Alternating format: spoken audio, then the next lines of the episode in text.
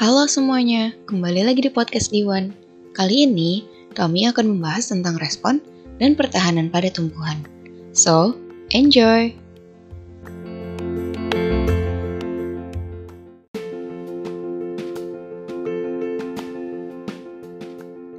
Tumbuhan memiliki sistem kontrol untuk mengatasi dan menghadapi kekurangan air yang tidak begitu ekstrim.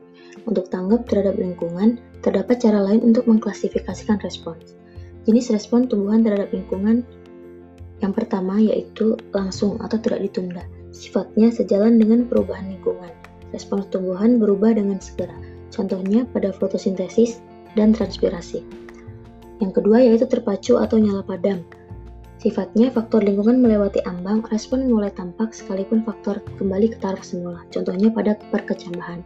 Yang ketiga, respons tertunda termodulasi. Tingkat respons ditentukan oleh taraf atau potensi faktor lingkungan. Sering terjadi penguatan dan penundaan. Contohnya pada fototropisme, gravitropisme, berbagai respon fitokrom, dan pertumbuhan tanaman. Kemudian ada homeostasis di mana pemeliharaan keadaan internal atau hampir konstan meskipun terjadi perubahan lingkungan. Contohnya pada suhu tubuh burung dan mamalia dan kimia darah. Kemudian ada efek pengkondisian, di mana perubahan bertahap dalam tumbuhan sebagai respons terhadap pajanan terus-menerus pada kondisi lingkungan. Contohnya pada perkembangan resistensi terhadap embun es atau kekeringan. Dan yang terakhir yaitu efek ikutan. Efek kondisi tumbuhan terba terbawa pada dua atau lebih generasi berikutnya, contohnya pada percobaan dengan tanaman kapri galur. Ada beberapa respon tumbuhan terhadap cahaya, gaya berat, stimulus mekanik, dan cekaman. Respons tumbuhan terhadap cahaya Fotomorfogenesis yaitu pengaruh cahaya terhadap perkembangan bentuk dan organisasi tubuh organisme sejak embrio sampai dewasa atau selama ontek ini. Peranan cahaya bagi tumbuhan adalah sumber energi untuk fotosintesis dan sebagai faktor penentu dalam pertumbuhan dan perkembangan tumbuhan. Dalam hal pendeteksian, tumbuhan terhadap panjang gelombang cahaya dikenal adanya spektrum absorpsi dan spektrum aksi. Spektrum absorpsi itu sendiri yaitu suatu grafik yang menggambarkan panjang gelombang cahaya yang diabsorpsi oleh pigmen tertentu.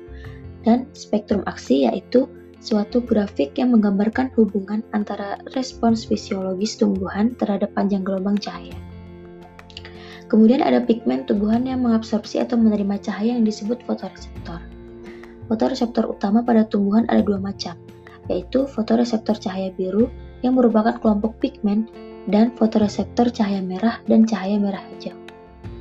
Fotoreseptor cahaya biru terdiri dari tiga tipe pigmen yaitu yang pertama kriptokrom untuk menghambat pemanjangan hipotil, yang kedua fototropin untuk fototropisme yaitu pelengkuangan menuju atau menjauhi cahaya, dan yang terakhir zeaxanthin untuk pembukaan stomata. Gambar 1 memperlihatkan bahwa cahaya dengan panjang gelombang kurang dari 500 nm, yaitu cahaya biru dan ultraviolet, efektif menginduksi fototropisme sedangkan fotoreseptor cahaya merah dan cahaya merah jauh adalah fitokrom. Perubahan fitokrom dan perkembangan biji dapat dilihat dalam gambar 2 sebagai berikut. Cahaya merah menstimulir perkecambahan biji selada. Cahaya merah jauh menghambat perkecambahan biji selada. Efek cahaya merah dan cahaya merah jauh bolak-balik. Cahaya yang menentukan respon perkecambahan adalah cahaya yang diberikan paling akhir. Lalu, gambar 2 memperlihatkan perkecambahan biji selada. Biji yang tidak diberi perlakuan disimpan dalam keadaan gelap. Bermacam-macam perlakuan biji yang menerima berkas-berkas cahaya. Lalu ada struktur fitokrom pada gambar 3. Yang pertama, fitokrom terdiri dari dua buah protein kovalen yang identik yang menyatu membentuk suatu molekul fungsional. Yang kedua, masing-masing protein kovalen mempunyai dua domain, yaitu domain aktivitas fotoreseptor dan domain aktivitas protein kinase. Yang ketiga, fotoreseptor diikat secara kovalensi dengan pigmen non-protein yang disebut kromofor, yaitu bagian molekul yang berfungsi mengabsorpsi cahaya. Lalu, fitokrom mempunyai dua bentuk variasi.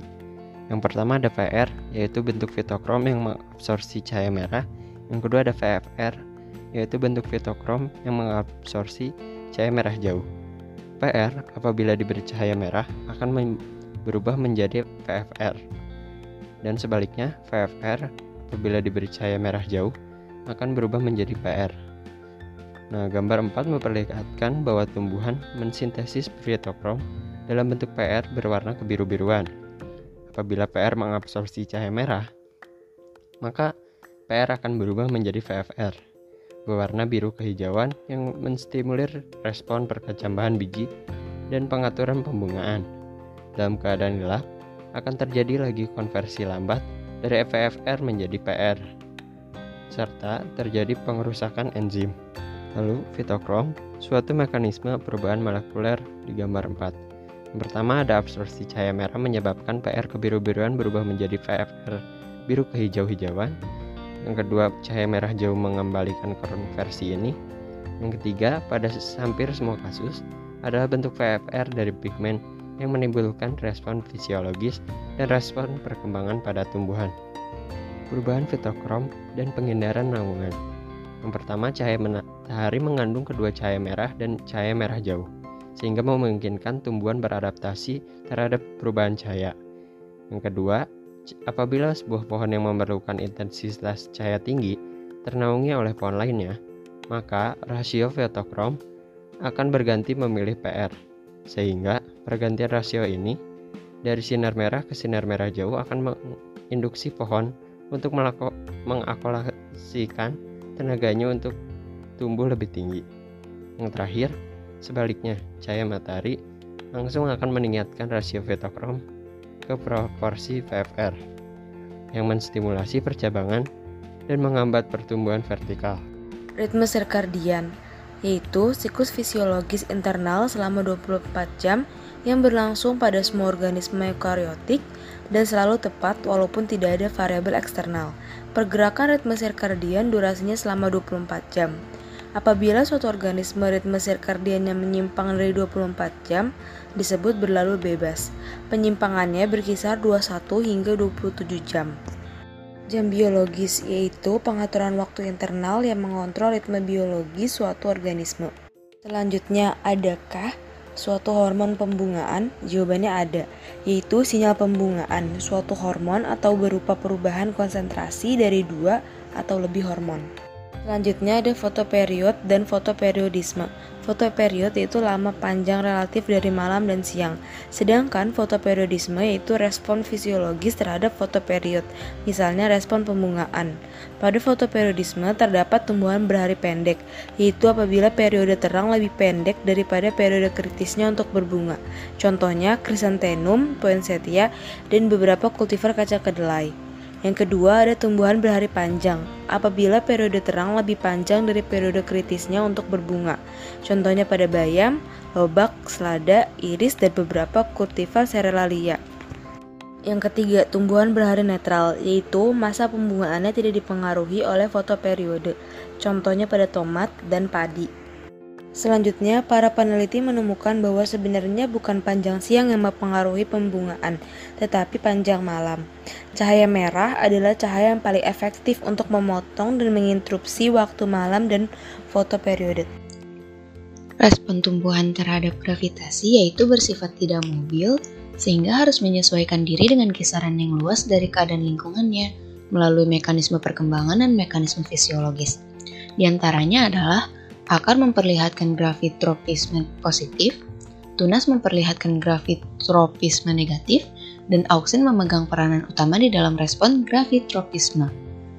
Lalu, respon tumbuhan terhadap stimulus mekanik atau thigmotropisme, yaitu respon tumbuhan terhadap tempaan angin yang keras menyebabkan batang menjadi menebal, pendek, dan gemuk.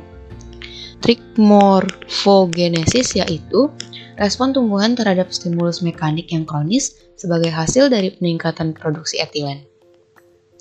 Fungsi perilaku tersebut bertujuan untuk mengkonservasi air, mengurangi penguapan, memperlihatkan durinya untuk menakut-nakuti herbivora, terjadi gerakan transmisi stimulus dari titik stimulasi dengan kecepatan 1 cm per detik.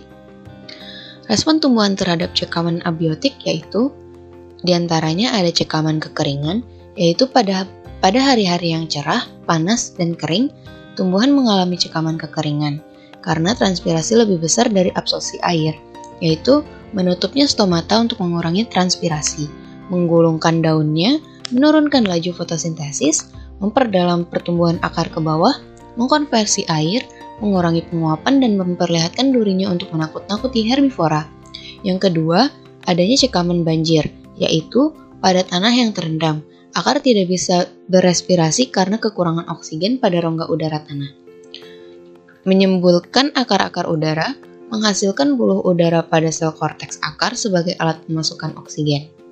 Yang ketiga adanya cekaman garam, yaitu kelebihan garam dapur atau NaCl ataupun garam lainnya di dalam tanah menyebabkan potensial air dalam larutan tanah menurun, sehingga akar-akar kehilangan air walaupun tanah penuh dengan air. Respon tumbuhan terhadap cekaman garam di antaranya memproduksi linear root berupa senyawa organik yang dapat menjaga potensial air sel lebih negatif daripada larutan tanah. Lalu, tumbuhan halofit, yaitu tumbuhan yang toleran terhadap garam, membuat kelenjar yang dapat memompakan garam keluar melewati epidermis daun.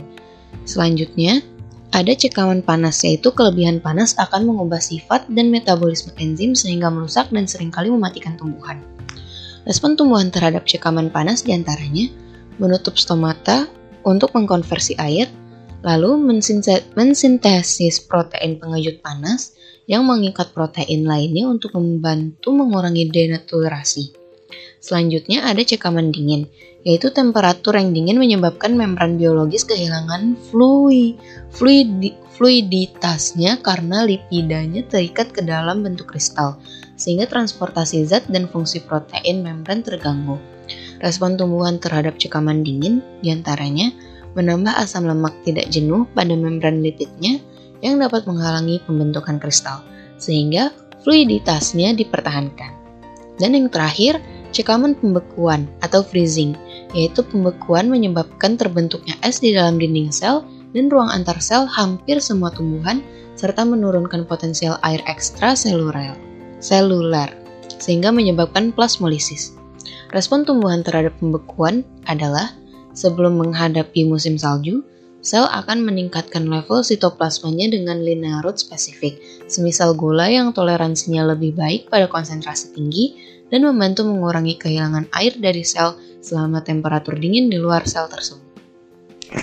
Lalu ada pertahanan tumbuhan terhadap patogen. Patogen menginfeksi tumbuh-tumbuhan mempunyai dua garis pertahanan terhadap patogen yaitu garis pertahanan pertama yaitu perlindungan fisik tumbuhan berupa epidermis dan periderm. Lalu pengenalan gen ke gen atau gen to gen to gen recognition. recognition. Tumbuhan umumnya resisten kepada patogen karena tumbuhan tersebut mempunyai kemampuan untuk mengenal patogen dan menyusun pertahanan terhadap patogen tersebut. Beberapa patogen berhasil menyebabkan penyakit apabila patogen tersebut mampu menghindari pengenal patogen dan mampu menekan mekanisme pertahanan tumbuhan. Lalu ada respons hipersensitif. Resistensi hipersensitif bersikap lokal dan spesifik merupakan respon pertahanan berdasar pengenalan gen ke gen antara tumbuhan inang dan patogen. Resistensi secara sistematik bersifat non-spesifik dan memberikan pertahanan terhadap bermacam-macam patogen untuk jangka waktu yang beberapa hari.